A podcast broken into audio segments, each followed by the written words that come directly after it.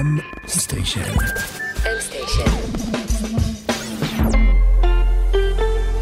מבית מייקרוסופט בישראל. אה, אמרנו ריינר, נכון? כן. אוקיי, סבבה.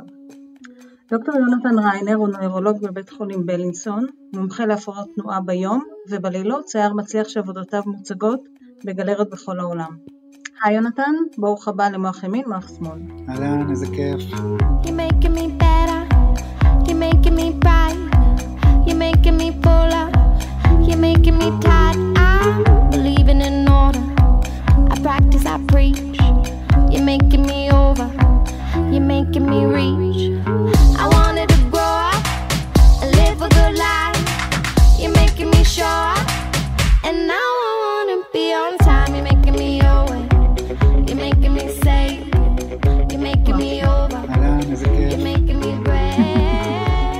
אני ממש מתרגשת שאתה פה. כן, זה נחמד. זה תמיד נחמד שיש במסגרת היום-יום, אה, בעיקר בזמנים האלה, איזה משהו שקצת מוציא אותך מהשגרה שלך ומרענן. לגמרי. אז אה, ממה שקראתי, אני מניחה שאנשים שמכירים אותך לא מופתעים שאתה עוסק באומנות, כי אימא שלך ציירת, נכון? נכון.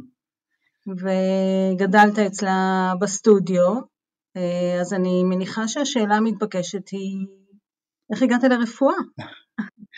אה, אז, אז באמת בדרך כלל ההפתעה היא אה, שבכלל הגעתי לתחום המדעי ולא נשארתי ככה ב- בעולם הבוהמה. במקביל באמת ל- לאהבה שלי ליצירה וליצירתיות אה, אומנותית, אז אה, גם תמיד התעניינתי בגוף האדם ובביולוגיה. אני חושב שהיום בהסתכלות של, אה, של מישהו שהוא קצת יותר בוגר, אה, יכול להיות שלא הייתה לי את התעוזה, אה, אז ללכת על זה ללכת. במאה אחוז? ואז הלכתי ללמוד מדעי המוח, כי ידעתי שלפחות התחום הזה תמיד משך אותי ואהבתי נורא לקרוא את כל הספרים של אוליבר סאקס, והכי קלישאה שיש. I first saw my analyst in 66. We are now in our 50th year, and we're beginning to get somewhere. Please welcome Dr. Oliver Sacks. He was the first major intellectual who spoke about diseases to the general public in a way that they could understand. His writing brought back essential aspects of medicine that treat the person and not the disease. את כל, הלימוד האקדמאי שלי עשיתי באנגליה, למדתי בלונדון, וגרתי שם אה, המון שנים, אז אמ, אם אני מבינה אותך נכון, התחלת בכלל מלימודי מדעים ואז, כלומר זה לא שהלכת לבית ספר לרפואה והחלטת להתמחות בנוירולוגיה, אלא הפוך, כן? נכון, נכון, אני למדתי מדעי המוח ומאוד אהבתי את הלימודים, אבל כשהגעתי לשלב אה, שבו עסקתי במחקר, אה, אז אה, פתאום אה, ככה מאוד אה, נבהלתי מה, מהסדר יום ומהיום יום, אני גם חייב להודות שקצת סגרתי מעגל עם מחקר, כי חזרתי עכשיו למחקר ואני מאוד נהנה מזה, אבל אה, בזמנו אה, כשהייתי ככה פוסט תואר ראשון ואתה עוד לא יודע כל כך מה מעניין אותך ולמצוא את עצמך במעבדה, כן. וגם אה, עם חיות מעבדה ודברים שככה מאוד בסופו של דבר הרתיעו אותי וממש ברחתי מתחום המחקר. וואי, אתה, יודע שזה די מעניין מה שאתה אומר, כי אני מדמיינת מה, מה היה האלמנט המבהיל ב- בעבודת מחקר, אה, אתה לבד, אה, שזה מאוד מזכיר איך שצייר עובד, לבד, זה- בסטודיו. נכון, זה מעניין מה ש... שאת אומרת, אני חושב שאולי ההבדל, אה, כאילו משניהם ברחת בשלב מסוים וחזרת. מה שקרה. זה באמת מחשבה יפה. מה שאני חושב ש... זאת אומרת, בוא נגיד ככה, עבודה, אגב, זה גם שוב פעם הדואליות הזאת, כי אני גם בן אדם שמאוד אה, אה, נהנה לפגוש בני אדם, ועצם זה שבחרתי בסופו של דבר רפואה היה הרבה מתוך הרצון אה, לשלב את, את הידע המחקרי ש, שצברתי בתואר ראשון לעבודה פרקטית והתפתחות אה, ממש ב, בבני אדם ובמחלות. יש בך כל כך הרבה משני הצדדים האלה, ואתה הכי פרפקט שיכול להיות למוח ימין, מוח שמאל. אתה מוח ימין, מוח שמאל, בוא. אה, אבל אני רוצה, לפני שנדבר יותר על האומנות שלך, אה, לדבר קצת על, ה, על הרפואה. אה, אתה מתמחה בפרקינסון, נכון? נכון. אז, אה, אוקיי, okay, אז קצת עבור, עבורנו ההדיוטות, מה זה בעצם פרקינסון? ממש בשתי מילים. אז פרקינסון זו מחלה ניוונית של המוח שמתבטאת בתסמינים מוטוריים שבעיקרם כוללים נוקשות, איטיות בתנועה ולפעמים גם רעד ומעבר לתסמינים המוטוריים גם מלווים אותה עוד תסמינים לא מוטוריים כמו השינויים קוגנטיביים, שינויים אוטונומיים.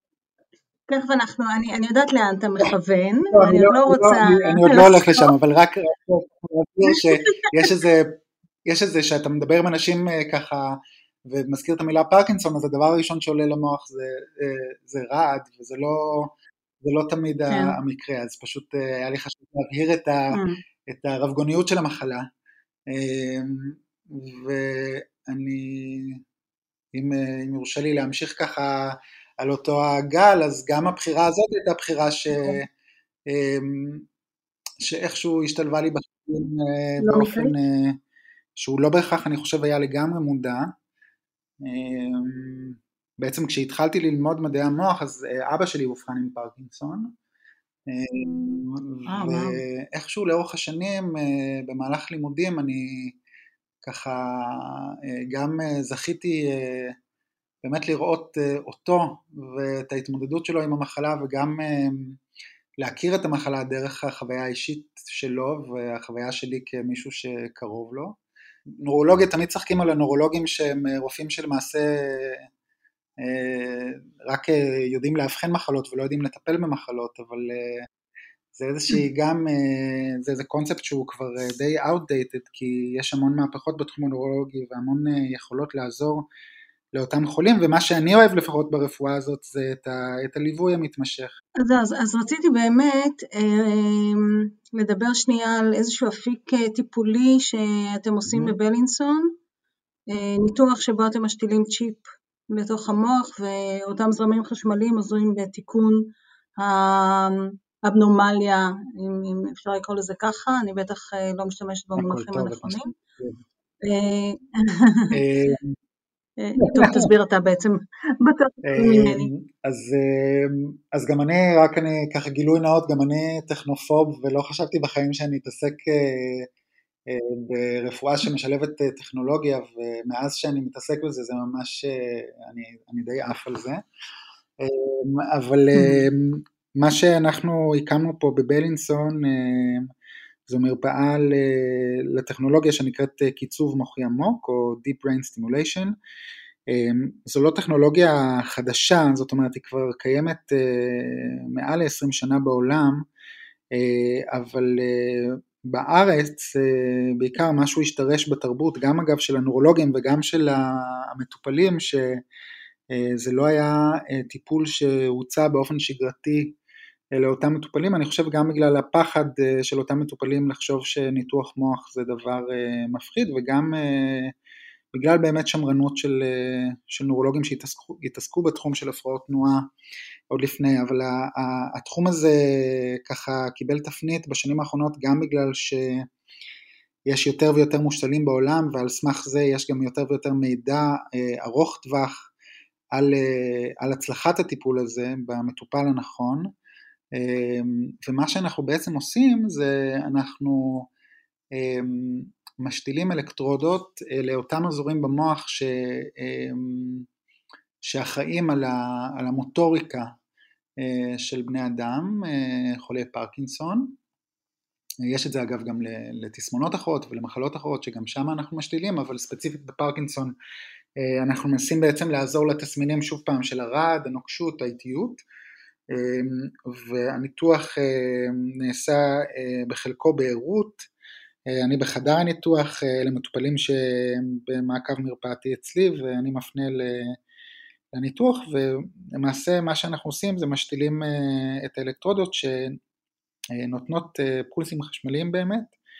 אמ, המחשבה היא שבמוחות של חולי פרקינסון חלק מהפגיעה ברמה החשמלית לפחות היא שתאים שנפגעים במוח מתחילים לפעול או לראות בתדר מסונכרן והמוח לא אוהב סנכרון, המוח אוהב שיש בסדר. ברגע שהמוח מסונכרן אז הוא לא אפקטיבי, הוא לא מצליח להעביר את התמסורת בין הגוף המחוקק למשל לגוף המבצע, זאת אומרת לגוף.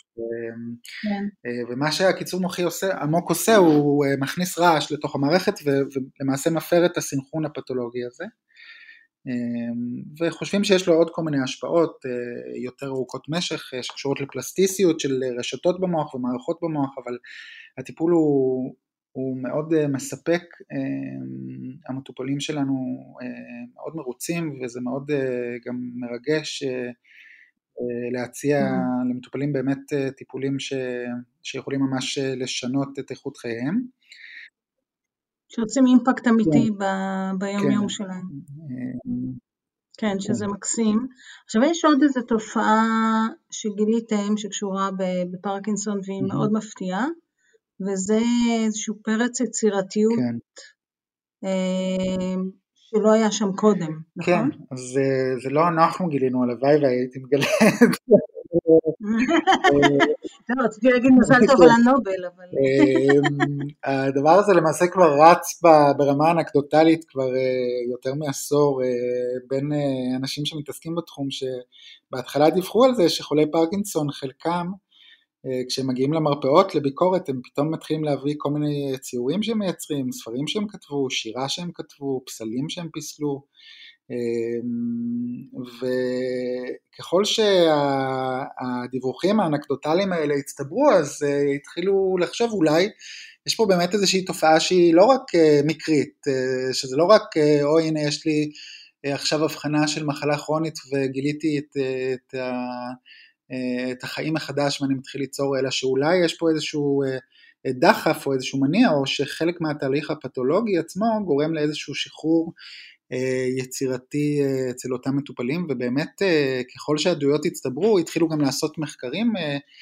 קצת יותר אמפיריים בעניין וראו שבאמת חלק מהמטופלים סביב הופעת המחלה מתחילים לפתח איזשהו דחף ליצור ומה שמעניין בדחף הזה זה שהיצירה עצמה אגב לא חייבת להיות מרשימה במיוחד או, או יצירתית במיוחד, כן. הדחף עצמו הוא, הוא המניע פה. וה...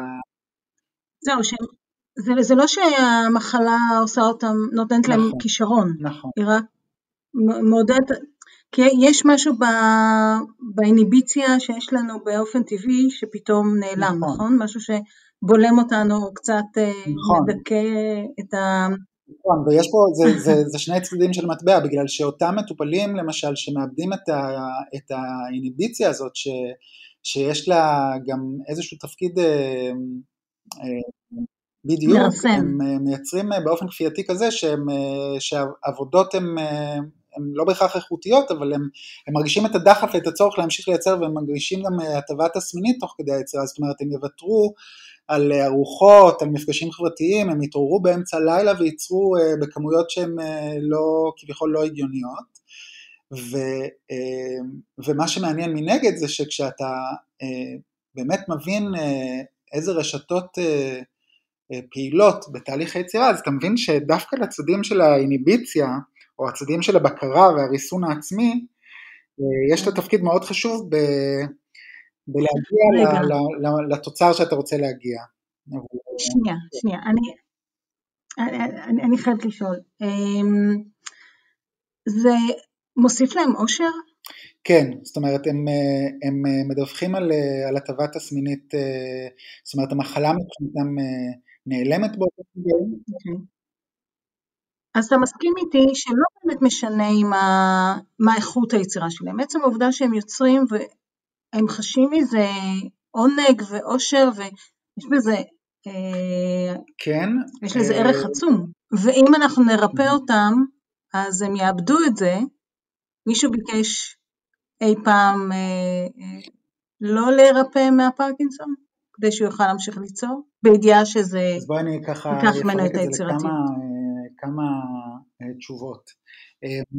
הדופמין, שזה אותו חלבון שהולך לאיבוד בתהליך הניווני אצל חולי פרקינסון, הוא חלבון שקשור מעבר לוויסות, שוב פעם, המוטורי של התנועתיות שלנו, הוא נורוטרנסמיטור, הוא חלבון שמאוד מאוד כן. מעורב בהמון תהליכים נפשיים, ביניהם גם באמת הוא מתחבר לכל שאר החברים של ההורמונים הטובים שגורמים לתחושה טובה, ומנגד הוא גם ההורמון שככה באופן מאוד מובהק אחראי למעגלים של חיזוק חיובי, וכיוצא בזה בעצם למעגלים של התמכרות. זאת אומרת, אם תשאלי כן. מכור להרואין, אם הוא מוצא אושר בזמן שהוא לוקח הרואין, אני אגיד לך, ברור, אני מאושר, אבל יכול להיות שאותו שימוש בסם הזה, או הצורך הזה להגיע לאותו פיקס, גם גורם לו להרבה סבל, זאת אומרת אה, מעצם אה, זה ששאר הדברים בחיים אה, מקבלים פחות, פחות חשיבות. אז כשאותו מטופל או אותו בן אדם מפתח יצירתיות ש, שכבר פוגמת לו ב, ב, ב, לא יודע, ביחסים הבין אישיים, ביחסים המשפחתיים, ב, ביכולת שלו לקלקל את עצמו, להישאר בריא מבחינה תזונתית, אז, אז זה בעייתי. אמ, אבל אני מסכים איתך, יש פה איזשהו אה, גבול מאוד עדין, ואני אענה לשאלה שלך ככה אה, בסוף, אבל לפני כן ברשותך אני כן אכניס עוד איזה טוויסט לסיפור הזה. כש, כשהתחילו, okay. אמ, אוקיי. כשהתחילו לשים לב לתופעה הזאת, אה, זה היה במקביל למעשה להתחלה של, של טיפול בתרופות שנקראים דופמין אגוניסט או אגוניסטים דופמינרגיים, זה תרופות שנכנסו לשוק אה, שוב פעם גם בתחילת שנות האלפיים וחשבו שאלה יהיו תרופות שככה מאוד יעזרו לחולי פרקינסון אה, לאורך זמן ויחליפו את התרופות היותר ישנות שגורמות לכל מיני סיבוכים. ואז מה ששמו לב זה שאותם מטופלים שהתחילו אה, לקחת את הדופמין אגוניסט חלקם פיתחו uh, הפרעה שנקראת uh, ICD או Impulse Control Disorder שהם הפכו להיות אימפולסיביים uh, בצורה uh, שוב לא מבוקרת אבל האימפולסיביות שלהם התבטאה בהימורים, uh, בהיפרסקסואליות, התנהגות אה, סקסואלית שהיא לא במקום, לא תואמת אה, סיטואציות, אה, בהתקפי אכילה, בינג' איטינג בלילות, קניות מרובות שהן לא פרופורציונליות, ואנשים ממש ככה איבדו את, את מחייתם ואת כלכלתם ואת יחסיהם עם בני המשפחה סביב, סביב הטיפול בתרופות האלה. ואז כשהתחילו לקלוט שיש פה איזושהי בעיה והפסיקו את התרופות האלה, התופעה הזאת נעלמה.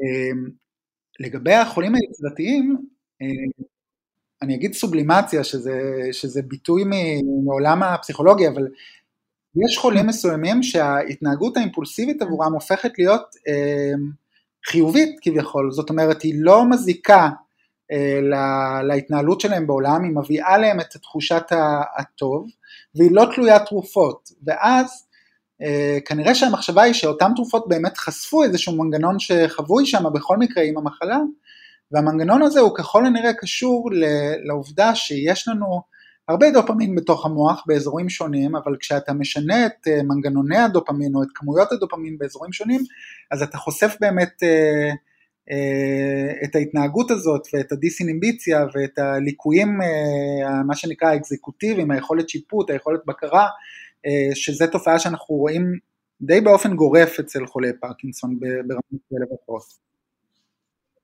אוקיי, כן. אז אני, יונתן, אני אקשה עליך קצת, ואני יודעת שאתה לא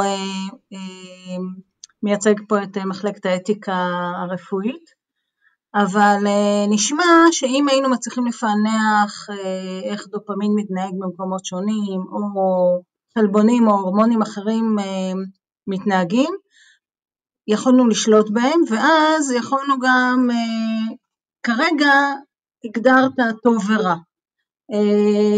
הימור כפייתי הוא רע, אז אנחנו נטפל כדי שזה לא יקרה. אולי לצייר הרבה זה פחות רע, אז אנחנו נאפשר לזה לקרות. מחר אני אבוא ואני אגיד, אה, יונתן, תן לי קצת דופמין כדי שאני אה, אבין מתמטיקה יותר טוב, נותן קצת לילד שלי כדי שהוא ינגן יותר יפה ב, ב, על הפסנתר. אני חושב שיש פה הרבה שאלות אתיות שהן אה, מורכבות.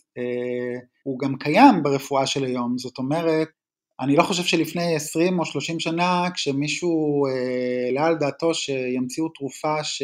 בטלים? בדיוק, שתעזור לריכוז אצל כן. מבוגרים וילדים, זה היה נתפס כשוב פעם איזשהו מנגנון שמשבש את ה...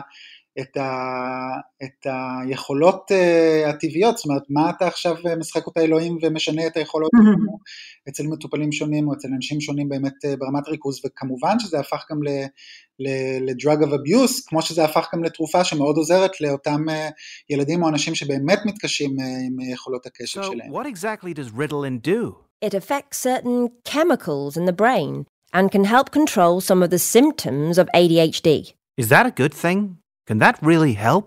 It helps people in different ways. It can help them to focus, to control their attention, and it can help them to stop and think before they act. אבל אני אפילו יפשט את זה עוד יותר, לא יודע, מנגנונים הורמונליים בגוף, שינויים בבלוטת התריס, בבלוטת המגן, בלוטת האדרנל, אנשים לוקחים תרופות בשביל לאזן את זה כביכול. אז מבחינת באמת שינויים הורמונליים זה כבר קיים אה, בעולם, אה, בעולם אה, הרפואה. להגיד לך שאנחנו נכנסים עכשיו אולי לתקופה שבה יש לנו אולי יכולות אה, אה, לעשות אה, מודיפיקציה קוגנטיבית, מודיפיקציה התנהגותית, אז זה בהחלט דיון שקיים בעולם המדעי ובעולם הרפואה ובעולם הפארמה. זה בהחלט דיון שסבוך בהמון המון שאלות אתיות. כן. ואני חושב שהמטרה תהיה לנסות, אני לא יודע אם זו מטרה, אם מטרה זו המילה הנכונה, אבל באמת לנסות למצוא את, ה, את האיזון בין, בין שמירת האנושיות עם כל הפגמים שלה ל, ל, ל, ליכולת באמת לעזור ולקדם אה, אני, אני, אני פחות אופטימית ממך, אני חושבת שזה מדרון חלקלק, אני, ואני חושבת שהפיתוי כן. לחצות קווים אדומים, אה, והקו האדום הזה מתרחק כל הזמן, אתה בעצמך אמרת. נכון, נכון. ויהיה קשה מאוד uh, להתמודד עם הפיתוי גם כחברות פארמה רוצות להרוויח כסף, כן. וגם כי אנחנו כבני אנוש רוצים לדחוק את עצמנו קדימה עוד ועוד ועוד, גם מבחינת היכולת שלנו להמציא דברים חדשים, אתה כחוקר, וגם אנחנו כצרכנים של מה שזה לא יהיה ש, שתמציא מחר, אני חושבת שזה קצת... אה, כן, אני, אני, אני רק אגיד לך שאני, אני, זאת אומרת, אה, שלא, שלא יתפס פה על גלי האתר, שאדם ש... זאת אומרת, אני עדיין אה, שותה את התה קורקום שלי ובולע ויטמינים, ומעדיף יוגה על פני כל טיפול תרופתי אחר. בעיניי לפחות, אם אנחנו מדברים על יצירתיות כ... כתכונה אנושית, אז אני חושב שזו אחת מהתכונות האנושיות הכי, קודם כל שמגדירה אותנו כבני אדם וברי דעת. אני חושב שבלי יצירתיות לא היינו יכולים להגיע למקום שאנחנו נמצאים בו היום כאנושקום, אבל זאת אומרת, מי, את יודעת, באמת, להמציא אה, היכולת לייצר אש ולשבת ולשבת סביב המדורה ולספר סיפורים וליצור אה, חברה סביב זה ולצלות מרשמלואים ולהפוך אה, חול לזכוכית, זאת אומרת היכולת שלנו לגלגל רעיונות ולהמשיך להיות יצירתיים בתוכם ולהמשיך לקדם אותנו זו תכונה שהיא, שהיא בעיניי לפחות נמצאת בטופ בפירמידה. אז, אז אה, זה סגווי טוב באמת אה, להמשך השיחה, כי... אבל לפני שאנחנו נעשה איזה מעבר חד אל, אל, אל האומנות שלך, אני רק, אני רק, מיכל, סליחה, אני רק יכול להגיד, רק רציתי לסגור עוד, כי שאלת אותי אם יש מטופלים שהיו מחליטים להישאר חולים ו, ולא כן. להגיד את היצירתיות, אז רק לגבי זה, וסליחה שככה אני קופץ לא, לא, חופשי. אבל, תודה. אמ, מה שקורה עם ה-DBS אגב, mm-hmm. ושיש אה, דיווחים על, אה, על, על חולים שעברו את ה-DBS ואיבדו את, ה, את, ה, את החשק, את הרצון, את היצירתיות, את ה... ויש בזה משהו שהוא קצת טרגי, זאת אומרת לרמת איכות חיים ולמצב רוח. אז כן, יש פה, יש פה לפעמים דיון סביב העניין הזה. ואני חושב שהרבה מהמטופלים שכן חווים את העניין היצירתי, בתוך כל המחלה הנוראית הזאת, אם הם יכולים למצוא בתוכם מקום לברך על משהו, אז, אז הם מברכים על זה שזה, שזה מה שצץ מזה. אם, אם אפשר את, ה, את הצ'יפ לכוון קצת פחות, שיישאר עוד קצת יצירתיות. לגמרי. אנחנו עובדים על זה אגב. גדול. אז זהו, שאני, זה כאילו איזשהו מעבר חד מעולם אחד לעולם השני, אבל, אבל רציתי לברר איתך אם זה באמת כזה חד. אם אין בעצם המון יצירתיות ב-day job שלך, כלומר גם ברפואה ובמדע, ואם אין אנליטיקה ורציו, או אפילו טכניקה באומנות שלך. כן, אז כשאני הלכתי ללמוד מדעי המוח ורפואה, אז באמת היה לי איזשהו ניתוק מאוד, מאוד חד מהעיסוק היצירתי היומיומי. אני חושב שזה היה מעבר לחיים סטודנטיאליים, זה היה לעבור לחיות בחו"ל, זה היה להיכנס לזוגיות שברבות הימים הפכה לנישואים, זאת אומרת היה הרבה דברים ש, שהסיחו את דעתי והייתי עסוק בתוך העולם הבאמת אנליטי והשכלתני והמאוד צרברלי כזה וגמעתי את זה באובססיביות קצת כפייתית ואז איפשהו בערך בשנה השלישית שלי ללימודי רפואה פשוט נכנסתי למשבר משבר עמוק שנראה לי שמה מה ש, מה שקרה שם זה שפתאום הבנתי באמת שזה כמו שמתעוררים יום אחד וזה קורה לכולנו ואתה פתאום קולט איפה הייתי כל השנים האלה ולאן הגעתי? ועושה איזשהו חשבון נפש עם עצמך ואומנם אני עדיין צעיר, כן, זה לא שאני יושב במרום שנותיי בגיל 100 אבל פתאום, פתאום קלטתי שאני מאוד רחוק מאיפה שהייתי חמש, שש, שבע שנים לפני כן. ונוצר בי איזשהו ריק ואיזשהו עצב ואיזשהו קושי ואיזשהו צורך עמוק לעשות שינוי. ו... והתחלתי שוב פעם לצייר, וזה היה לצייר למגירה, ועשיתי בעיקר כל מיני רישומים כאלה עם עט, ו... ו... וככל שהדבר הזה קרה, ועם כל החוסר ביטחון שאתה צובר לעצמך, גם מזה שלא עסקת בזה הרבה זמן, וגם מזה שאתה לא מבין בעצם למה אתה בדיוק עושה את זה, ו... אם הדבר צריך לראות יפה, אם אתה צריך להיות מבסוט מהתוצאה, או שבעצם התהליך עצמו זה הדבר ש, ש, שהוא הנותן. אמ, איכשהו התחלתי לאמץ לי ככה שגרה יומיומית של, של לצייר, ופתאום ראיתי שאני יותר מבסוט מעצמי, ויותר מבסוט מהיומיום שלי, ויותר אה, אה, בעל יכולות, ו, ו, והבנתי שאני יותר לא נפרד מהדבר הזה, זאת אומרת הוא הופך להיות mm-hmm. חלק ממני כי הוא מאפשר לי להיות מי שאני, ולהיות מי שאני בצורה שאני הכי אה, מרוצה ממנה. אמ, אבל זה התחיל ממש בעט וניירות ומהר מאוד אה, תפס תאוצה ואז אה, למעשה הפסקתי את ה... סיימתי את לימודי הרפואה ולקחתי הפסקה מרפואה והחלטתי שאני משקיע שנתיים. בדפוס, למדתי, למדתי דפוס רשת ו...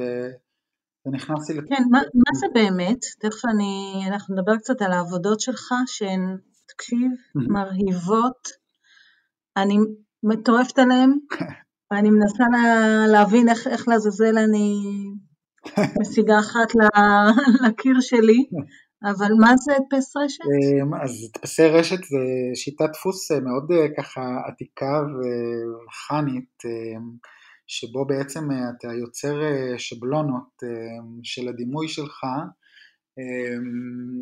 ומכין מסכים שהם למעשה מסכים שדרכם אתה מעביר את הדיו שלך או את הפיגמנט שלך, את הצבע שלך לנייר אבל כל מסך מייצג צבע אחד, אז מה שבעצם קורה זה שאתה יוצר אה, דימוי ואז אתה מפרק אותו לשכבות של צבע ולמעשה מתחיל לבנות באמצעות השבלונה הזאת שכבה על שכבה על שכבה על שכבה.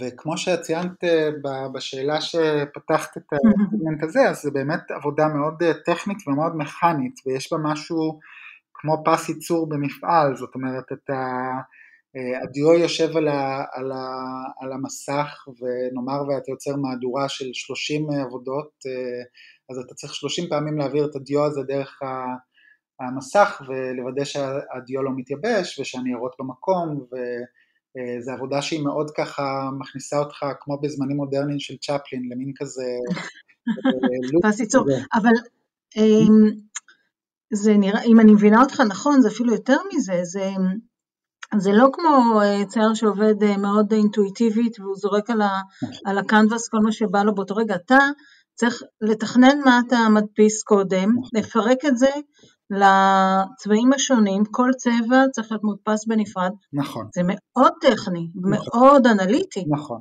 נכון, נכון, נכון, זה מאוד טכני, מאוד אנליטי, מאוד אובססיבי. זה... כן, קלטתי עליך, אתה קצת טוטאלי. יונתן, אני לא, אף אחד לא אמר לך את זה אף פעם, תרשה לי.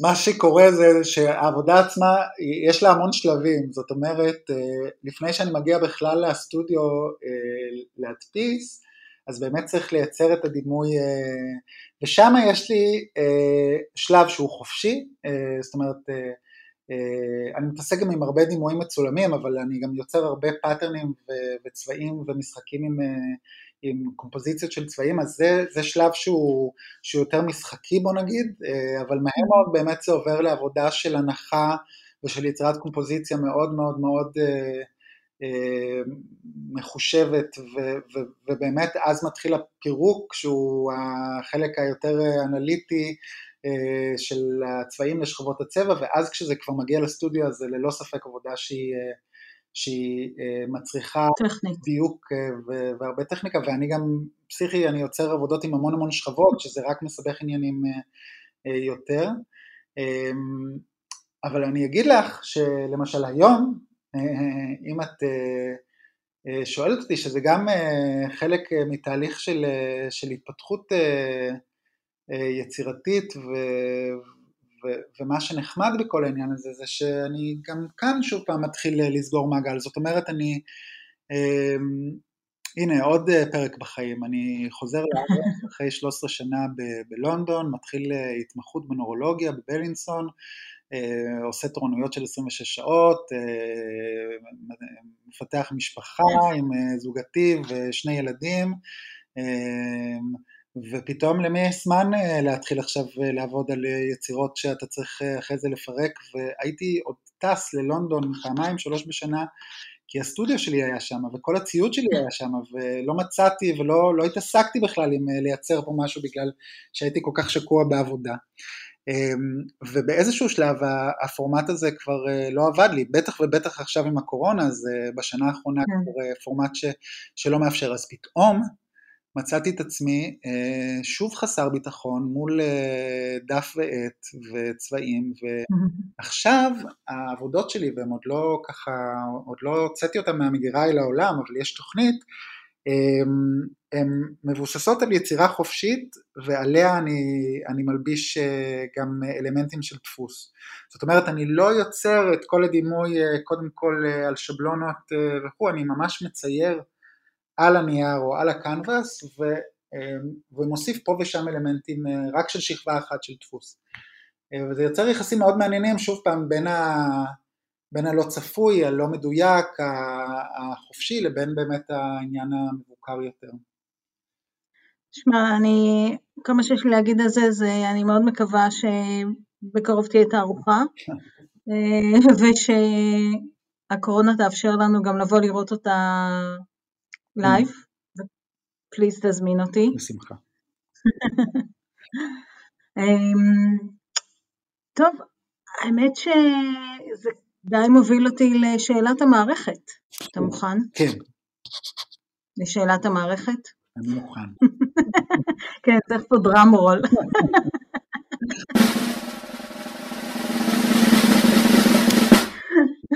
אוקיי, אז אה, יונתן, מה אתה יותר? יצירתי או אנליטי? אז אה, אני נוטה להגיד שאני אה, יותר יצירתי מאשר אנליטי.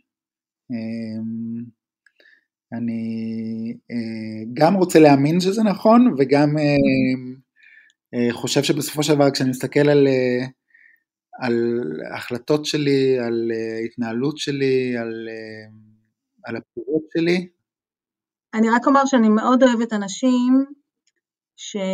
שבאים מעולם המדע או, או מעולמות הביזנס, גם כאלה היו כן. ב- בתוכנית, שנותנים אה, כבוד, את הכבוד הראוי ליצירתיות, כן. ומגדירים את עצמם יצירתיים. אז אה, אני, אני איתך, הידד, אה, הידד ליצירתיות, באמת. טוב, אני, אני מגדירה את עצמי גם וגם, אז אה, נשארתי על הגדר. וואי, יונתן, אה, היה מרתק. תודה, תודה לך. באמת. אני, אני כבר, אני באמת, אה, כאילו לא אמרתי את זה סתם, אני מאוד הייתי רוצה לשמוע ממך שוב על התפתחויות אה, שיש לך מעולה. במחקר שאתה עושה, מעולה, מעולה. אה, ובאמת אני מאוד רוצה לראות, התמונות שראיתי באינטרנט הן פשוט באמת breathtaking, ממש.